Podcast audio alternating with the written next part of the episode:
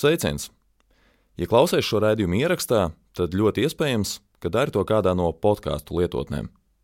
Mēs, Latvijas Rādio, gribam zināt, kas tev patīk podkāstos, kas nepatīk un ko jaunu tu vēlētos dzirdēt.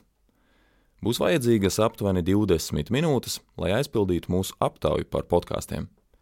Turklāt, piedaloties aptaujā, būs iespēja laimēt unikālu ekskursiju leģendārajā Latvijas radio ēkā. Saitu uz aptauju meklē šīs epizodes aprakstā.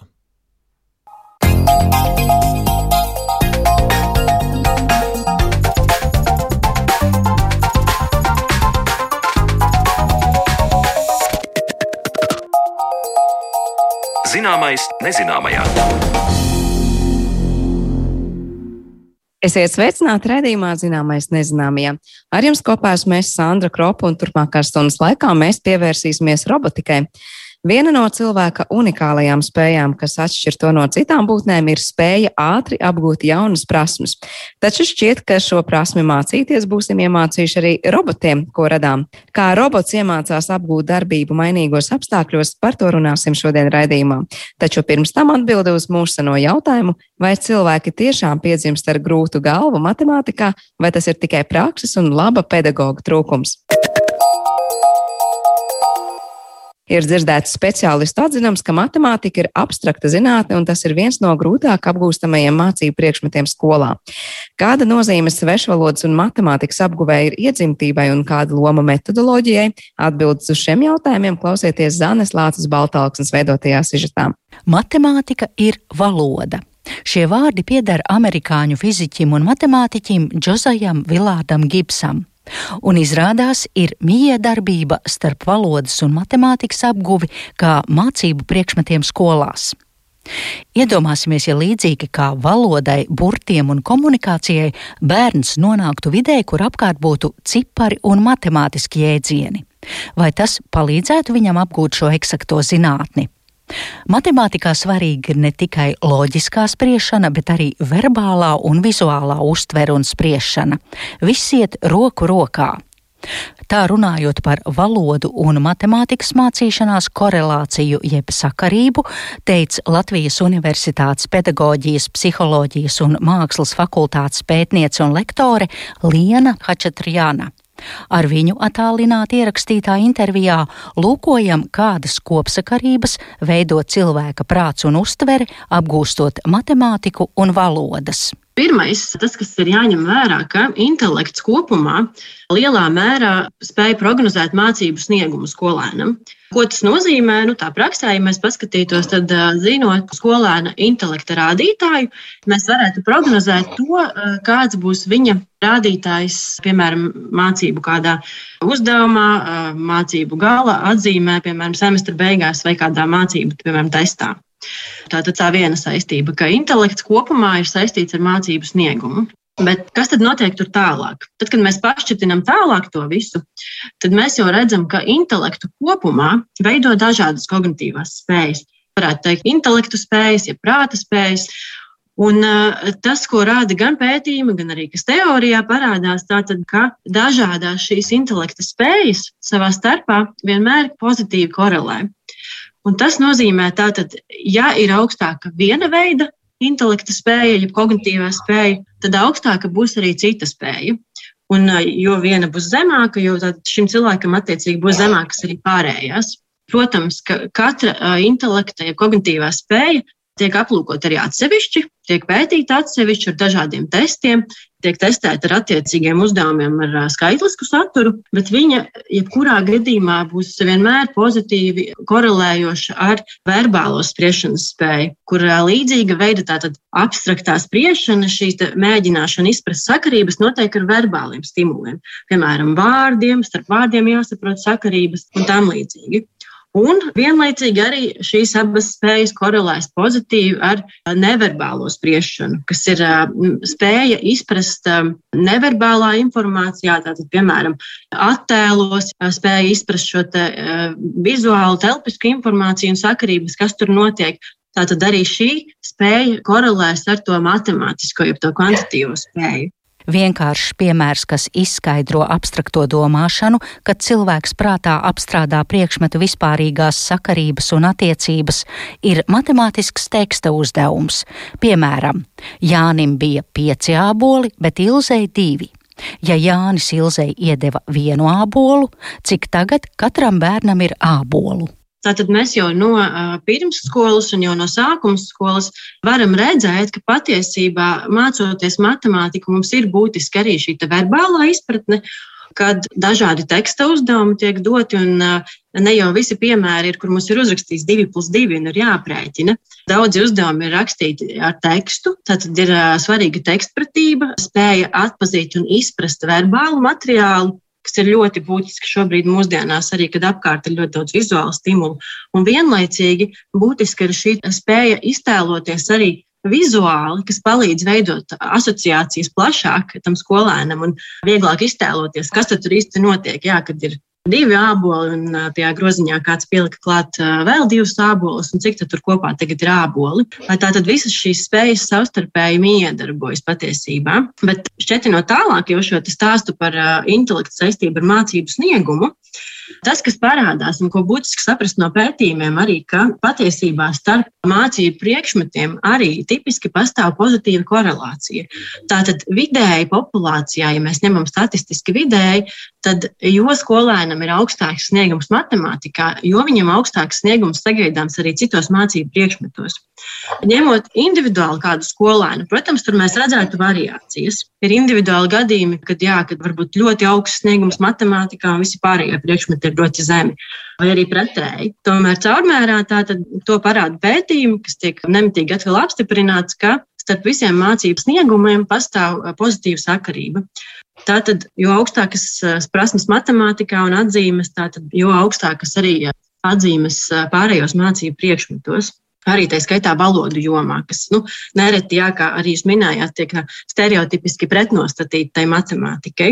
Jā, jo valoda ir it kā humanitārā zinātne, un mēs atradīsim ļoti, ļoti daudz piemērus, kur cilvēki arī paši teiks par savu skolas pieredzi. Jā, man galīgi neveicās matemātikā un citos egzatos priekšmetos, bet valodas, jā, tās man ļoti labi padevās. Jā, tā ir, ka gan matemātika, gan valodas ir saistītas ar simboliem un jēdzieniem, kas ir abstrakti. Tas ir tas līdzīgais. Arī jebkurš skaitlis, tāpat kā burts, vārds, teikumu konstrukcijas, tie visi ir abstrakti, tādi mūsu veidoti konstrukti. Bet tas, kas ir atšķirīgais, ka valoda ir ļoti saistīta arī ar komunikāciju, un tā komunikācija notiek nemitīgi. Tas ir mums ikdienā, visur apkārt. Mēs, mēs runājam, komunicējam, valoda tiek lietota nemitīgi gan skolā, gan ārpus skolas. Un mēs ļoti labi redzam tos piemērus, kad mazi bērni no video angļu valodā pilnīgi automātiski viņi imitējot, iemācās, bet ne tikai atkārtot, bet arī izprast angļu valodu ļoti ātri. Un te mēs redzam to vidas ietekmi un to komunikācijas ietekmi. Un jautājums tāds, nu, tagad hipotētisks, piemēram, ja skolēns nonāk tādā vidē, kur visu laiku apkārt būtu skaitļi, visu laiku kaut kas tiktu runāts par matemātiku, skanētu matemātikas, teiksim, šie piemēri, un visur būtu dažādi šie paraudziņi vai atgādnes. Vai tas tad arī līdzīgā veidā varētu veicināt? Šis ir jautājums par vidi un par mācību paņēmieniem. Te es gribētu teikt, ka, jā, ka manuprāt, bērngārzos ir labi piemēri, kad uz kāpnēm ir šie skaitļi uzlīmēti vai uzdrukāti, Un tad pirmsskolēns katru uh, reizi jau kāpjot, viņš skaita līdzi. Tas ir tādā kā rotaļas veidā. Un šis ir varbūt viens no tiem iemesliem, kāpēc pirmsskolā tā matemātikas apgūve un tā pamatu apgūve patiesībā ir ļoti svarīga. Kad notiek caur tiem klucīšiem, kad mēs kraujam klucīšus, tādā veidā arī vizualizējam šo saskaitīšanu, kā kaut kas pieaug vai kā kaut kas tiek atņemts. Tā kā tur ir ļoti svarīgi šie tādi vienkāršie uzdevumi, vienkārši tādi veidi, kā ilustrēt šo matemātiku. Un kā jums šķiet, kāda nozīme ir, um, tad, ja mēs runājām par valodu, matemātikas apgūvi tam, kas uh, konkrētam cilvēkam, kāda ir iedzimtība, kāds ir viņa kognitīvās un intelektuālās spējas, un cik ļoti tas ir atkarīgs no prasmīga pedagoga vai nu, mācību metodoloģijas. Jaunākie intelekta pētījumi, kas arī visu laiku turpinās par gēnu tieši ietekmi, parāda un apstiprina, ka aptuveni 50% to variāciju intelektam ietekmē iedzimtība. Bet jautājums, kas tad ir tie pārējie 50%? Jo tas patiesībā ir diezgan daudz. Tas nozīmē, ka tā ir puse uz pusi, ko mēs varam ietekmēt vēl klāt arī Pat ja mums tos, ka, nu, nu, ka nav viegla galva, kāds reiz saka, un, vai kādam tieši pretēji ir ļoti viegli visu apgūt, tad it kā nu, būtu šī tāda uh, priekšrocība pret citiem skolēniem. Un tad šie pārējie 50% ir būtībā viss tas, ko mēs varam ietekmēt apgūšanā, kā šīs spējas tiek apgūtas. Tas ir gan metodoloģija, mācību ziņā, teiksim, gan pārliecība skolēna, tomēr šī emocionālā labsajūta, un, protams, arī dažādas sociālo-emocionālās prasmes un arī, teiksim, disciplinēšanas, pašdisciplīnas spēja, spēja nofokusēties, kontrolēt savu uzmanību, varbūt pārslēgties arī emocionāli. Tad, protams, arī atbalsts no malas, kas ir vecāku atbalsts, vide, audzināšana, dažāda pozitīvā pieredze, kas nāk. Un tas, kas ir būtiski arī patiesībā, ka šī pozitīva agrīna pieredze veido to pārliecību skolēnam. Tas ir arī jāņem vērā, jo, ja es esmu pieredzējis, ka es jau vienreiz esmu ticis kaut ko galā, un es arī parasti tieku galā, tad tas man rada tādu pārliecību un arī interesi, vēlmi apgūt vēl kaut ko, pamēģināt vēl citu uzdevumu. Ja man tā pieredze visu laiku ir negatīva, tad, protams, tas man arī demotivē mēģināt apgūt un pamēģināt kaut ko vēl citu. Tātad mācīšanās stratēģijas, miedarbība ar skolotāju ir ļoti būtiska. Un te, protams, es domāju, ka katrā mācību priekšmetā, katrā zinātnē un nozarē ir savas dažādas stratēģijas, kuras ar vien tiek attīstītas un pētītas, kā tad efektīvāk iemācīt kaut ko skolēniem. Nu, piemēram, tādas pamatstratēģijas, ja mums ir jāsaskaita 138 plus 47. Kā jūs tipiski darāt? Vai jūs uh, saskaitat tos desmitus kopā, un tad pēc tam pieskaitat pārējos uh, skaitļus? Vai arī ir kaut kāda pilnīgi cita stratēģija, kas ir no acīm redzami sarežģītāka? Tā kā tas temats pieskarās matemātikai, arī, tad, protams, matemātikā ir ļoti būtiski šīs pamatstratēģijas jau agrīni apgūt, lai daļa no tām darbībām kļūtu automatizētas. Jo tad, kad mums ir daļa darbības automatizētas, tad ar vien šo sarežģītāko un ar vienu, ar vienu abstraktāko informāciju kļūst vieglāk apgūt, jo mums vairs nav katru reizi jādomā, nu, cik tur bija 6, plus 2, plus vēl 8, reizes 2, bet uh, mums jau tās pamatlietas ir automatizētas.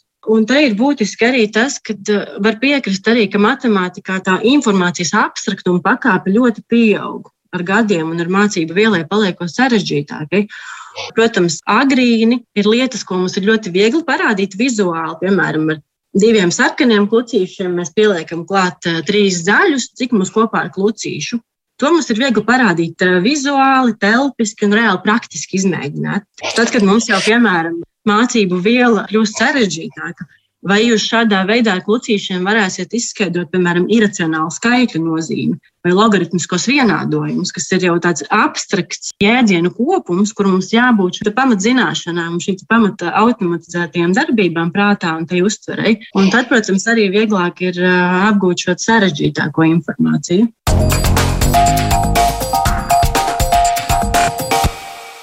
Tik tālu par mūsu spējām apgūt matemātiku skolas solā, bet par robotu spējām apgūt jaunas prasmes raidījuma turpinājumā.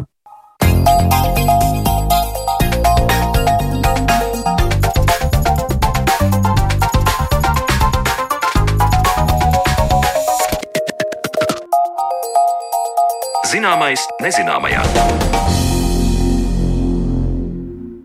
Cilvēks spēja apgūt un mācīties, un tas ir fantastiski, kas piemīt tikai dzīvām būtnēm. Un tomēr varbūt varam iemācīt mācīties arī mūsu radītās nedzīvās būtnes, piemēram, robotus. Šādas idejas šobrīd virmo tehnoloģiju pasaulē, un nu jau arī pirmie rezultāti ir redzami. To vidū robotu suņi, kas iemācās mainīt gaitu, un roboti, kas apgūst plastilīnu un futbolu. Kā tas notiek un ko tas nozīmē nākotnes robotikai, par to mēs arī šodien runāsim mūsu raidījuma turpinājumā, kad uh, attālināti studijā tiekamies ar Rīgas Tehniskās Universitātes datorzinātnes un informācijas tehnoloģijas fakultātes mākslīgā intelekta un sistēma inženierijas katedras profesoru Agri Nikicenko. Sveiks, Agri! Sveicināti! Nu, es saprotu, ka man arī ļoti vietā būtu teikt, ka Agris, ja nemaldos, ir Latvijā savulaik pirmā robota izveidotāja. Es varu teikt, robotikā no Latvijas robotikas pirmsākumiem. Kā ir skatīties uz to, kāds ir bijis tas pirmais robots, pie kā strādāja, un kādi šobrīd ir tie roboti, par kuriem mēs runāsim, kā nu tie mācās vai nemācās, vai ir mācāmi, Un cik ļoti milzīga atšķirība ir starp tiem robotiem, ko sagaidījām no viņiem pirms, pirms vairākām desmit gadiem, un tie, kādi tie ir šodien? Man gan šeit ir jāpiekoriģē, es noteikti nebiju pirmais, bet es biju laikam atsācis šo jomu pēc neatkarības atgūšanas. Līdz tam bija ļoti spēcīga grupa, kas strādāja arī pie Marsa robotiem, Padomju Savienībā un citām lietām. Un, un, un burāna roboti un, un, un daudzas citas lietas. Respektīvi, es noteikti neesmu pirmais. Un, un tā. Tur, kur varbūt es biju pirmais, ka mans robots tiešām mācījās. Tā ir tā lieta. Bet, nu, jāatzīst, ka tīri tehniski, e, burtiski viņš tika uzbūvēts virtuvē. Līdz ar to nu, viņš bija tāls no pilnības. Eh, līdz ar to tā galvenā komponente bija eh, tā mācīšanās komponente, kas bija programmatūra un tas tīri tehniskais izpildījums. Tas jau bija nu, tāds drīzāk demonstrācijā. Bet nu, tāls no pilnības uzreiz. Salīdzinot ar to, ko mēs mūsdienās redzam, bet nu, tas arī bija pirms 20 gadiem.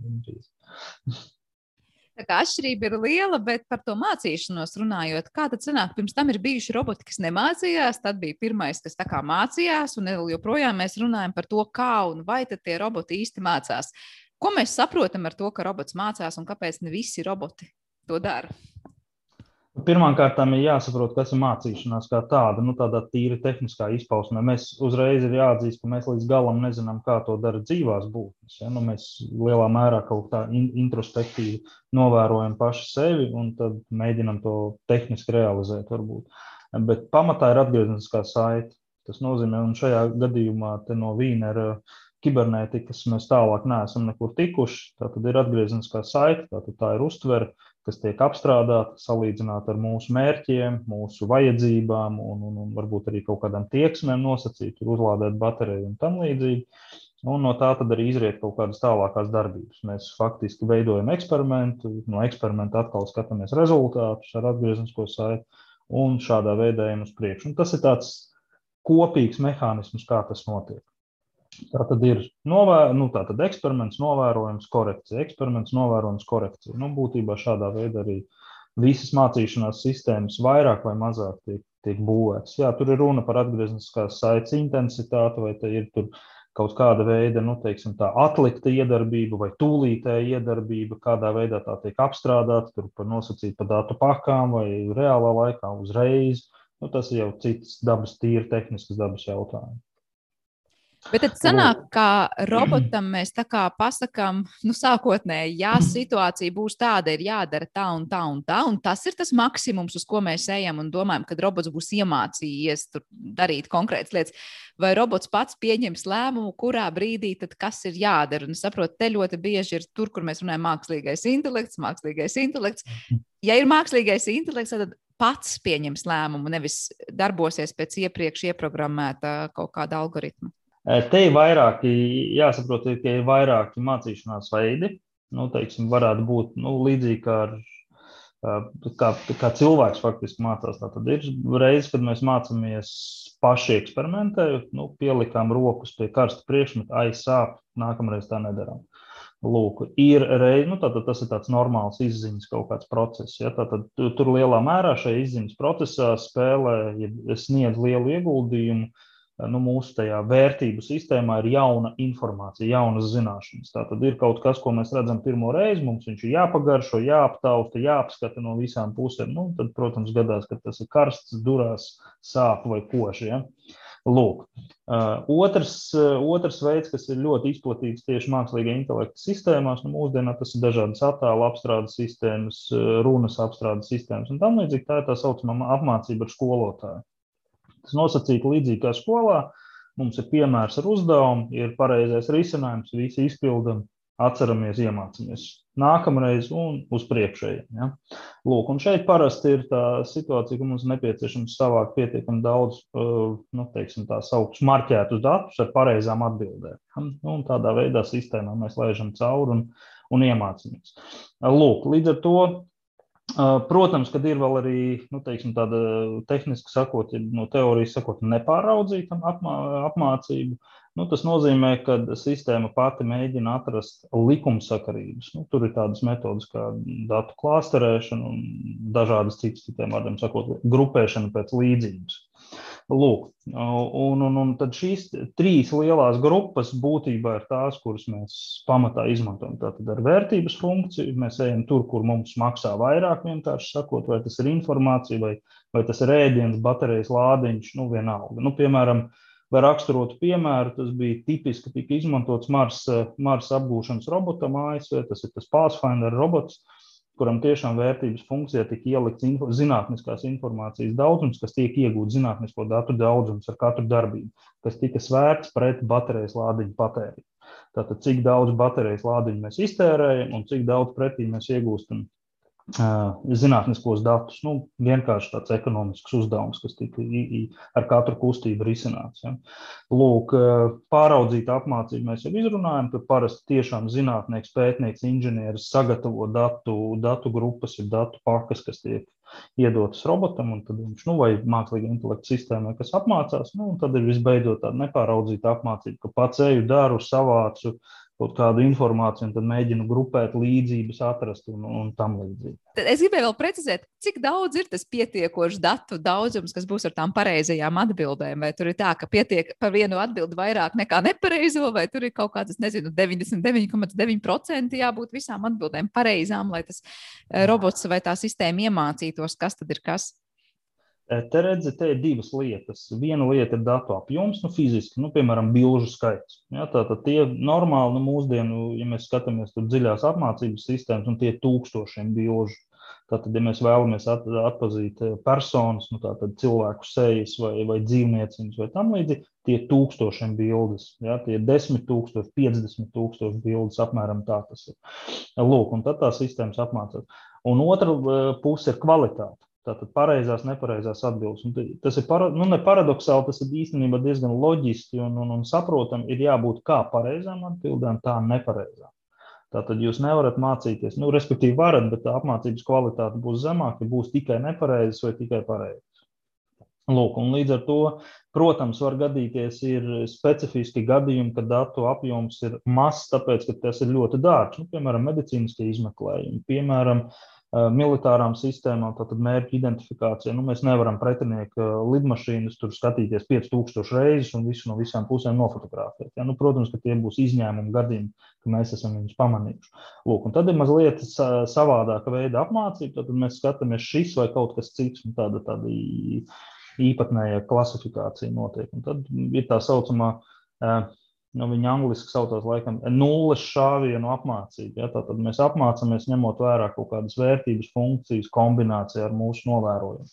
Nu, tie ir mazliet sarežģītāki apmācības veidi. Lūk, bet tie ir ļoti moderni un kas tiek izmantot mūsdienās, un it sevišķi, piemēram, militārās sistēmās un citās sistēmās, kur dati ir dārgi vienkārši. Vai nevar piekļūt viņiem pietiekami daudz. Nu, vienmēr sakot, mācoties robotam, ir ļoti svarīgi mācīties arī tās nepareizās atbildes. Proti, nu, pavisam vienkāršots piemērs, laikam, būtu, ja būtu jāiemācās atpazīt, kas ir un kas nav cilvēka seja, tad vajadzētu pāris reizes parādīt arī, nezinu, kādu zaķi, kaķi un vēl kādu, lai pateiktu, tas nav noteikti cilvēks. Jā, pilnīgi pareizi. Pilnīgi pareizi. Ja mēs runājam vēl par tādām nu, cilvēkiem elementārām, pašsaprotamām darbībām, nu, piemēram, kustības, staigāt, cilvēks iemācās, liekas, nu, kaut kādā veidā tur pats no sevis, bet noteikti noteiktā laika vienībā nu, pakāpeniski, jā, vispirms rāpo, pēc tam pieceļas kājās. Bet uh, kā ir robotam ar visām tām darbībām, kas mums ir tik ierastas, piemēram, pārvietoties? Es saprotu, ka šobrīd pat tiek apmācīti roboti kā suņi, kas tiešām tur skrien un sasniedz konkrētu ātrumu. Es domāju, nu nav viņiem ne muskuļu. Nav viņiem smadzeņu, kas koordinē šo darbību. Kas ir robotam tas, kas ļauj skriet un kā veicas robota apmācībā tādās lietās? Tas ir ļoti labs un pareizs jautājums, jo ir ļoti uh, liela atšķirība, ja ļoti daudz atšķirības starp dzīvu ķermeni un nedzīvu ķermeni. Un es mēģināšu vispirms paskaidrot, kur ir tā liela atšķirība. Mēs esam kaut kādā kontekstā jau par to runājuši, bet es vēlreiz uzsvēršu arī klausītājiem. Galvenā atšķirība ir tas, ka, piemēram, cilvēka ķermeņa dažāda veida sensoru blīvums ir simtiem reižu, varbūt pat tūkstošiem reižu lielāks nekā robota ķermenim. Tātad, ja robotam tur ir vien, no viena motora atgriezeniskā saite, un atgriezeniskā saite nozīmē kaut kāds rotācijas ātrums vai pozīcija rotācijas vai, vai kaut kas tam līdzīgs. Tad cilvēkam uz vienu ādas kvadrātcentimetru vien tie ir simtiem un iespējams pat tūkstošiem sensoru uz stiepi, uz temperatūru, uz sadursmi, uz visu kaut ko citu. Tas pats ir arī muskuļos, tas pats ir arī nu, teiksim, tā vizuāla atgriezeniskā saite, jo mēs darot, kustinot rokas, mēs arī novērojam vizuāli, kas notiek ar to roku. Ja? Lūk. Un, un, un, un līdz ar to teiksim, tas informācijas apjoms, kas ir pieejams dzīvam ķermenim, Eh, darot kādu kustību ievērojami lielāks, nu, daudz tūkstošu reižu, es gribētu teikt, intensīvāks nekā tas ir eh, mākslīgai sistēmai, piemēram, robotu sunim. Lūk, un no šejienes izriet arī galvenais izaicinājums. Ir, mēs jau varētu, varbūt pat varētu izveidot arī ļoti blīvu sensoru sistēmu, bet problēma ir tāda, ka katra sensora bitiņš ir jāapstrādā. Ir kaut kādam mega mikroprocesoram jābūt, kas to visu apstrādā, arī saprātīgā laikā, jo no robota, ņemot vērā, ka viņš dzīvo nevis kā datorsistēma savā virtuālā pasaulē, robots tomēr nu, nosacīti darbojas īstā pasaulē, realitātē. Tas nozīmē, ka šeit ir noteikts notikumu eh, nu, teiksim, tā, notikšanas ātrums, ir ja plūduma ātrums, uz kuru ir jārēģē. Jūs nevarat kustību, nu, pieņemsim, ja tur jābremzē automašīnai, jūs nevarat to izdarīt nākamnedēļ. Viņi ir jādara tūlīt, Pretējā gadījumā notikumi būs nevēlami kaut kādā plūduma ieņems. Ja? Lūk, līdz ar to mēs esam spiesti, ņemot vērā, ka apstrādes, apstrādes jaudas datu tomēr ir būtiski ierobežotas. Tātad viņas ir ierobežotas ne tikai ar tehnoloģisko līmeni, bet arī ar baterijas lādiņu, ar dzēsēšanas jaudām, kas tam robotu sunītam ir pie, un fi, ar fizisku izmēru arī fiziskais izmērs un svars ir būtiski ierobežojoši faktori. Un līdz ar to mēs esam spiesti samazināt arī kopīgo datu apjomu, kas tiek piegādāts šim nu, nosacīt centrālajiem procesoram. Līdz ar to arī atgriezniskās saites elementi ir ievērojami mazāki. Tie ir galvenie izaicinājumi. Tātad apjoms, datu elektrības nu, lādiņš nosacīti un, un, tam, un reālais laiks, protams, kas ierobežo. Lūk, no šejienes arī izriet tas, kā mācās roboti un kā mācās cilvēks. Nu, protams, ka roboti mācās, kā jau es minēju, apmēram tāpat kā cilvēks. Tad, tad darot, mēģinot. Ja? Bet eh, tas, kā mūsdienās to uh, dara, jo, nu, teiksim, tā uh, robotu suni, tur es atvainojos, viņš arī simtiem reižu kritīs. Nu, viņš vienkārši tiks salauzts, vienkārši sakot. Un tāpēc tiek izmantoti dažādi veidi simulātori. Piemēram, klausītājiem, ja interesē, var apskatīties tās OpenAI mājaslapiņa ir, un tur ir arī burtiski tas ir skolnieku līmenis līdz zinātnieku līmenim. Tātad tur ir iespējams kā pašam patrenēties, tā paskatīties, ko citi cilvēki ir uzbūvējuši. Un tur tieši gaita vai kustība ir viens no ļoti interesantiem pētījumu objektiem. Tur var redzēt, kā dažāda veida algoritmi apmācās, cik ātri uz divām kājām iet, uz, uz četrām kājām, vai paši izveido savu ķermeni, lai ietu pietiekami efektīvi. Un tur ir ļoti interesanti dažādi veidi. Nu, jā, tie paņēmieni, kas tiek beig, beigās izmantot. Nu, tad, kad mēs esam modeli iemācījuši, mēs iebūvējam viņu atpakaļ robotā, un tad jau robots kustās. Protams, viņš vāc visu laiku datus nākamajai simulācijas kaut kādam posmam. Jā, bet cik ātri kustēties, kādā virzienā kustēties, to arī var teikt, nu, tā kā pirms tam iebūvējot pasaka priekšā, vai tas ir tas, ko viņš tajā brīdī sapratīs, ā, tagad virsma, pa kādu es pārvietojos, ir slidena, tā tad es iešu lēnāk, jā, vai te ir kaut kādi nelīdzenumi, es uzmanīšos, nu, tā kā mēs darām, tad, kad mēs staigājam. Jā, reālā pasaule ir bezgalīgi daudzveidīga. Nu, tas ir pieņēmums, protams. Protams, Zeme ir apaļa un viņa ir galīga. Ja, līdz ar to tā daudzveidība tīri matemātiski arī galīga. Bet nu, nosacīti, teiksim, mēs nevaram visus robotu scenārijus nosimulēt noteikti būs kādi, ko robots nekad nav redzējis. Ja? Un tad stājas spēkā cita veida mehānismi, kā jau teicu, ir nosacītā vērtības funkcija, ko robots mēģina nu, teiksim, palielināt. Nu, līdzīgi kā izmaksu funkcija, vērtības funkcija, nu, atkarībā no kādā kontekstā viņi izmanto. Un mēs savai kustībai vērtību gribam palielināt. Nu, piemēram, nenokrist. Nu, tad robots jau plāno tur kaut kādas savas darbības, atbilstoši savai pieredzē, lai nenokristu. Bet tur tā vērtības funkcija sāk strādāt. Jā. Līdz ar to tā ir, kā jau es teicu, tāda kombinācija no dažādām metodēm. Kas ir visgrūtākais robotam, ja mēs runājam tieši par to pārvietošanās funkciju? Ātrums, kādā iemācīties. Es mhm. nezinu, pilnīgi veiksmīgi kustināt, ja tas ir robots un sadās visas četras kājas. Tas ir kaut kāda virziena maiņa. Es saprotu, par to arī daudz tiek domāts, kā tagad spēs ātri mainīt virzienu, kaut kāds reakcijas laiks attiecībā uz to, cik ātri tas ir jādara. Uh, vēl es droši vien esmu, neesmu nosaukusi virkni lietu, kas varētu būt sarežģīts robotam tajā brīdī, kad ir jāpārvietojas. Tas ir arī ļoti labs jautājums, tāpēc, ka viņš ir ar tādu dubultu dibenu, varētu teikt. Tā, tas pirmais līmenis, uz ko mums ir jāatbild, kas ir raksturīgi tieši robotu pasaulē, pieņemsim, jūs ieslēdzat robotu, ko viņam darīt tagad. Cilvēks ir pašorganizēts. Viņš no rīta pamostās, ah, man šodien ir darbs, bērni jāvada uz skolu, un tā, tā, tā, tā un virkni jāpilnveidojas, sociālais stāvoklis jāiegūst un viss kaut kas cits. Robotam šādu virsmērķu nav. Tas nozīmē, pirmais, kas ir jādabūna, ir, kas ir robota uzvedība, nu, ja teiksim, darbības priekšmets, kāpēc viņš strādā, ko, kas viņam ir jādara. Lūk, tā, no, no tā izriet tātad, nu, vienkārši sakot, robota funkcija galvenā. Vai tas būs pārvietošanās robots, tad viņš kaut ko nastas nesīs, kaut kādas, ja tie, vai, vai, vai būs ražošanas robots, kaut ko mēģinās salikt kopā. No tā izriet, kā viņu uzbūvēt, arī pamatā visas minētās uh, atgriezniskās saites sensori, no tā izriet vērtības funkcijas, no tā izriet, kāda data ir svarīga, kāda data nav svarīga viņa darbībai un tā tālāk. Citiem vārdiem sakot, roboti noteikti ir stingri ierobežoti savā funkcionalitātē, savā daudzveidībā. Tā ir tā galvenā lieta. Un no šejienes arī izriet, kas tad ir pats svarīgākais. Nu, tā tad ir tas viss kopums, tā tad ir kā mērķis, uzdevumi, funkcionalitāte, un tam visam ir jābūt stingram atbalstam robota ķermenim. Tātad jūs nevarat uzbūvēt robotu, nu, kas nav paredzēts lidošanai, un pēkšņi pateikt, nu, ej, tagad palido mazliet. Nu, tas būs ļoti īss lidojums. Par mērķiem runājot, labi, mēs šobrīd par tiem robotu suņiem vairāk runājam, ja par tiem arī paturpinām. Kāds ir tas virsmērķis šiem robotu suņiem? Tā ir vairāk funkcija, kaut kad aizstāt suņus, kas kaut ko meklē vai bīstamās vietās atrodas, vai kaut ko piegādā, atnes, aiznes. Tie ir doma par, es nezinu, mēs bieži arī runājam par šiem robotiem, kas ir kā sociālo funkciju veikuši, piemēram, arī blakus cilvēkam, nezinu, kompānijas sastāvdaļa. Labi, šobrīd tas, kā izskatās šis robots, laikam ne tuvu nevarētu būt konkurence skaistam sunim, ja, kas ievieso tādu emocionālu piesaisti, bet laikam arī tā robotikas pasaulē nebūtu problēma. Kas tad īsti ir tas, uz kurien virzās šie robotu suņi, ja reiz ir tik daudz sarežģītu lietu, kas ir jāatrisina, lai mēs to, to, to lietu dabūtu?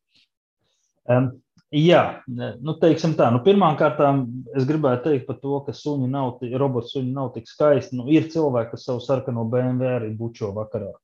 Tā kā tas ir, tas, tas drīzāk nav suņa vai BMW jautājums, tas ir cilvēku pusē jautājums. Ja? Lūk, līdz ar to tā emocionālā piesaiste noteikti var būt. Bet pamatā šī, šī, šī, šī tipa roboti ir transporta platforma. Tātad viņi ir paredzēti transportam. Tātad, vai tās būtu nastas, nu, kaut kādas kravas, kas tiek nogādātas. Starp citu, krava var būt arī sensors. Tas nozīmē, jūs varat iedomāties, kad ir kāda, eh, nu, es nezinu, atkal no militārās jomas slepena operācija, ja tur notiek nakts aizsargā visu, un jums ir nepieciešams noklausīties, kas tur aiz stūra notiek. Cilvēkam iet ir bīstami. Līdz ar to mēs palaidām robotu, viņš aiznes mikrofonu tuvāk, un mēs visu lieliski dzirdam. Lūk, tā ir tāda ļoti klasiska pieeja patiesībā.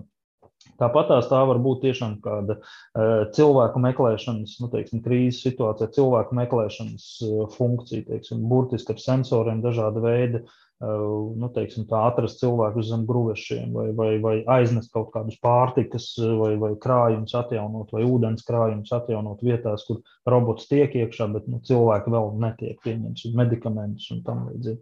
Līdz ar to tās ir galvenās funkcijas, uz ko lūkojas. Un, protams, izklaide pats par sevi, pētniecība, izklaide un tam līdzīgi, kas iet paralēli visam šīm darbībām.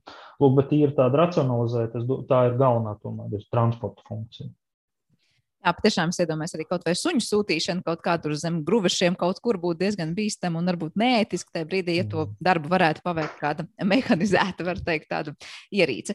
Uh, mēs te piesaucām to, ka roboti mācās nu, līdzīgi kā cilvēki, kā bērni, un tomēr gribētu vēl pajautāt, kuras ir tās būtiskākās atšķirības, proti, kā roboti tiek ar to galā izaicinājumu nu, ka liekas, tiešām bērni daudz ko iemācās nu, kaut kā automātiski. Tur laikam tiešām ir tā milzīgā sistēma, kas mūsos katros, katrā ir iekšā kā cilvēkā, un mēs pat neapzināmies, kādus secinājumus mēs izdarām vienlaicīgi par kaut cik daudz informācijas mēs uztveram vienlaicīgi. Es te pieminēju raidījuma sākumā to arī darbošanās ar plastilīnu vai ko tādu. Cik sarežģīta tāda darbība ir robotam un ko tas prasa, kas bērnam liekas ir nu, vienkāršāks par vienkāršu? Ah, mīcīt plastelīnu vispār nav grūti. Tā tad ir pat mehanizācijas iekārtas, kas mīca, piemēram, mīklu. Ja, teiksim, beķerē, ja. tā, tas, tas ir vienkārši jautājums, ko jūs gribat no tā izmīcīt. Un te ir runa par to virsmērķi. Teiksim, cilvēks pieķerās pie plastelīna, viens būvē sunīti, otrs būvē kādu vēlniņu, tur seju vai vēl kaut ko. Jautājums, kas robotam ir jāuzbūvē? Un, kā jau es teicu, robots šajā ziņā viņam nav tāda virsmērķa. Tātad, e, līdz ar to pirmais galvenais izaicinājums, ko tad robots grib uztaisīt, nu, kas viņam būtu jāuztaisa. Un tālāk jau tas ir tieši tāpat, kā mēs liekam Rubika kubu, tieši tā, vai kādus citus plānošanas uzdevumus. Tieši tas pats ir arī plānošanas uzdevums ar plastelīnu. Lūk, protams, ka tur ir ļoti daudz atkal jau modelēšanas pirms tam bijis, lai, lai konceptuāli iemācītu robotam nosacīt kaut kādas bāzes kustības un tam līdzīgi. Un tad jau no šiem kustību primitīviem tiek izveidots nu, nosacīt garas kustību ķēdes, kas mūs noved pie mērķa. Nu, cita, būtībā tāda cita ceļa šobrīd, nu, es nezinu visas kustības tiek sašķeltas pa bāzes, nu, kaut kādām primitīvām kustībām, no kurām tiek veidotas milzīgas ķēdes. Jā, nu, Citus cit, cit, cit mehānismus varbūt es nezinu. Jā, tad. Bet dodot šos virsmērķus eh, robotam, labi, es pieņemu, ka pateikt, izmīcīt no plastelīna tur konkrētu figūriņu, parādot, kāds tas ir tas sunīts vai kāda cita figūriņa, kas ir jādabū ārā, izskatās, laikam ir viena lieta, bet es atceros, mēs kādās iepriekšējās mūsu sarunās vienmēr esam šo piemēru pieminējuši, ka ļoti sarežģīti robotam būtu pateikt, aizēj no rīta pēc maizes uz veikalu vai atnes, atnes to un to, Jā. kur liktos mums ir tā elementārā lieta. Proti, es saprotu, vai es atceros pareizi, ka Tā lielākā problēma būs tā, ka robots uzreiz domās, tā, kas ir veikals, kas ir maize, kāda ir maize, cik dažāda var būt maize un tā tālāk un tā joprojām. Kā roboti tiek galā ar to, ka nu, viņu smadzenes jau laikam tiešām kā tāda nezinu, nemitīga encyklopēdija vai meklēšanas sistēma varētu strādāt un teikt, kas ir maize. Nu, mēs, protams, neuzdod sev jautājumu, vai man ir jāatnes tagad 500 dažādi maizes veidi. Mēs zinām, kādu maizi mums garšo un pēc kādas mēs ejam. Kā ir ar robotiem? Nu, cik, cik daudz dažādus variantus viņi izskatīs pirms pieņems lēmumu, kāda maize ir jānopērk? Atkal jau tas ir eh, visticamāk jautājums, kāda ir robota pieredze līdz šim. Nu, citiem vārdiem sakot, kas tad viņam ir mācīts, kas viņam ir rādīts, ko viņš ir pieredzējis. Ir bijuši, nevis bijuši, bet ir aktīvi pētījumi. Tātad šeit ir divas lietas. Ir tas saucamais nu, nezinu, semantiskais tīmeklis. Tātad tīmeklis, kas ir paredzēts nu, līdzīgi kā mums internets, bet kas ir vienlaicīgi arī paredzēts ne tikai cilvēkam, bet nu, vienkārši sakot, kas ir mašīnu lasāms. Tātad, kur robots varētu pieslēgties un šādu veidu ziņas iegūt. Līdzīgi kā cilvēks arī, nu, jums ir kaut kādas ziņas, ko jūs izlasat, ah, kaut ko nezinu, nesaprotu, nu, atveram Wikipēdiju, paskatāmies ātri. Tieši tāpat tās arī roboti var darīt, vai citas nu, programmatūras sistēmas, piemēram. Lūk, līdz ar to šādi mēģinājumi ir, viņi ir pietiekami aktīvi, nu, un nu, konkrēti es esmu redzējis pielietojums, tas ir telpas uzkopšanā, telpu uzkopšanā. Nu, jūs varat iedomāties, ka robotam ir jāveic ikdienas telpa nevis tikai kā putekļu sūcējs pa grīdu, bet arī galda virsmas jānoslauk, puķiem, puķiem putekļi jānoslauk un tam līdzīgi. Un tad, protams, šis izaicinājums ir neapšaubām daudz liel, lielāks nekā vienkārši uzkopt, uzkopt grīdas. Un tad tieši tāpat tās robots pieslēdzās uh, tīmeklim, paskatās, ko nozīmē tīrīt galdu, nu, kā tas izskatās, un tad pēc piemēra mēģina to atkārtot. Lūk, tas ir. Es ne, negribētu teikt, ka tur ir kaut kas jau nopērkams plauktā. Nē, nē, nē, tur ir diezgan tāls ceļš. Jo visi tie iepriekš minētie izaicinājumi ar vienu ir spēkā. Tas, ka jūs Wikipēdijā kaut ko noskatāties filmu, tas vēl nenozīmē, ka jūs to protat. Tieši tāpat kā cilvēkam es iedomājos arī tā, mm, piemēram, telpa augiem noslaucīt lapas. Robotam, laikam, arī būtu ne tikai jānoskatās filmiņa, kā tas izskatās, nu, tēlājiem sakot, bet kā tikt galā ar to izaicinājumu sajust, cik tā ir vieza, cik tā ir plāna, cik tā ir trausla un kā to Jā. darīt. Uh, vai, vai roboti to kādu dienu patiešām spēs, vai mēs vienmēr teiksim, tur būs tas limits un nē? Nu, es varbūt ar pretjautājumu. Ķirurģiskas operācijas taču viņi veic? Un kosmosā arī lido. Tā kā neapšaubām tas būs šeit. Tas jautājums, vai ir vērts izgāzt desmitiem miljonu eiro, lai uzbūvētu robotu, kas noslaukums put, putekļus lapām. Nu, diez vai. Līdz ar to tur jābūt tādam labam arī ekonomiskam pamatojumam, kurā virzienā pētnieki strādā un inženieri, un kuru varbūt cilvēkam ir vieglāk pašam izdarīt.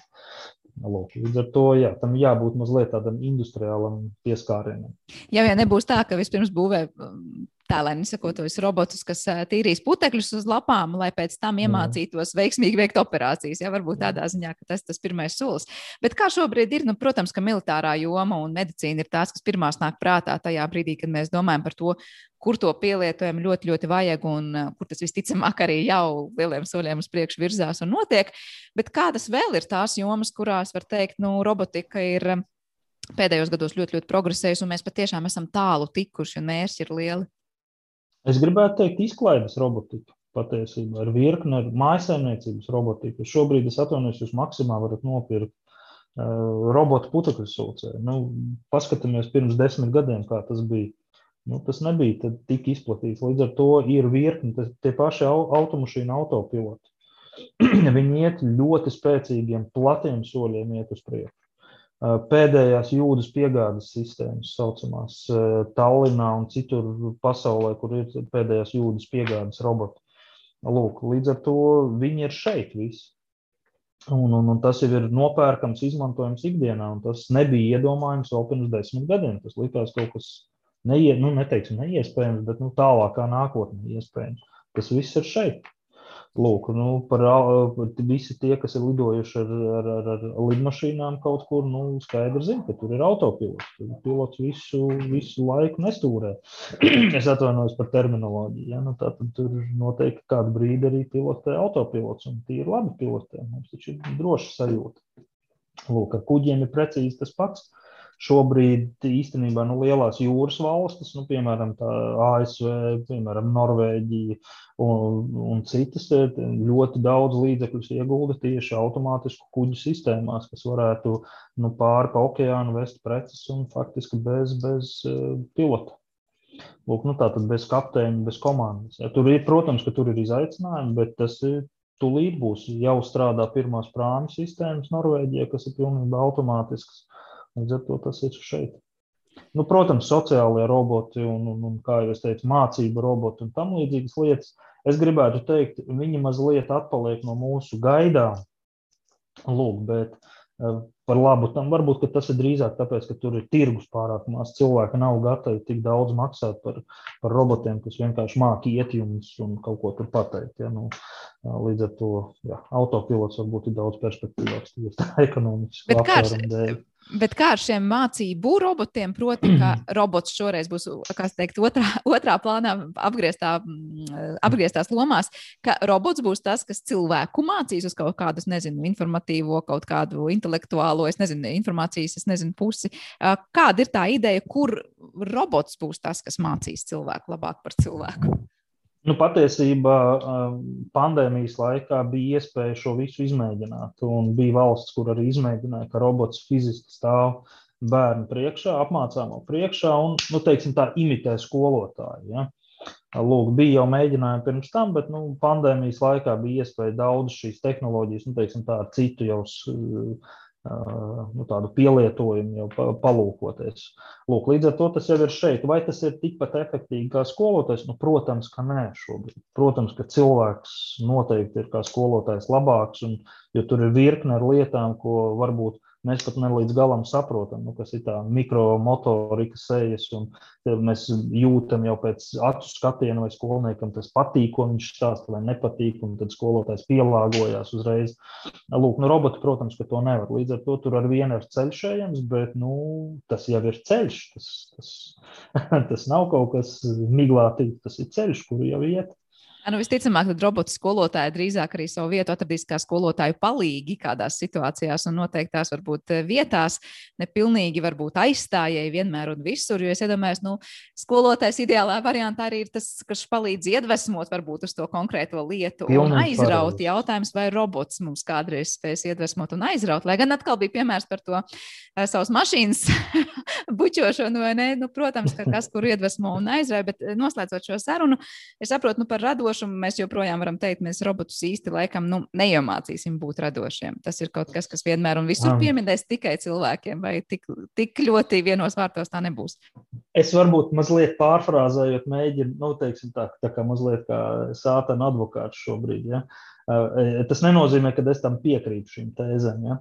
Lūk, ir tāda pietiekami pazīstama filma Es robots.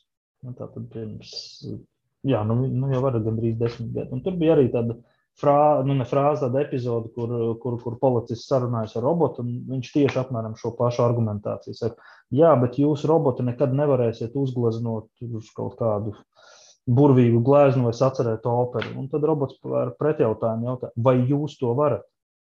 Nu, es pilnīgi noteikti par sevi varu teikt, es nevaru sacerēt operu. Līdz ar to jautājums, vai es esmu vai robots par mani ir mazāk radošs vai vairāk radošs tieši operas jomā, es domāju, ka mēs esam stipri līdzīgi. Lūk, protams, ka cilvēki, katrs robots visticamāk nevar viņu pretstatīt visas cilvēces no tādam radošam potenciālam. Viņš ir, protams, milzīgs un, un, un tur jā, ārpus, ārpus um, fantāzijas robežām, teiksim tā. Ja? Robots noteikti būs stingri aprobežotāks. Līdz ar to būs jomas, kur robots un radošums arī ir nu, nosacīts ar inženiertehniskais radošums, ja? kur bieži vien ir drīzāk profesionālā pieredze spēlē lomu, ka cilvēks pieredzējis profesionāls un pieredzējis eksperts. Viņš jau saka, nē, nē, nē, tur neiesim neiesim pa kreisi, iesim par labu, tas ir daudz, pa labi, tas ir daudz perspektīvāk. Vai pamēģināsim šo, pamēģināsim šito, tas izskatās perspektīvāk. Ja? Lūk, un bieži vien tas arī ir radošs process, bet viņš sakņojās eh, pieredzē, profesionālajā pieredzē. Un varbūt nu, nosacīt, ko dažkārt jau vēl eh, ar lielāku pieredzi apveltītiem cilvēkiem saka, ka tā ir profesionāla intuīcija. Ja?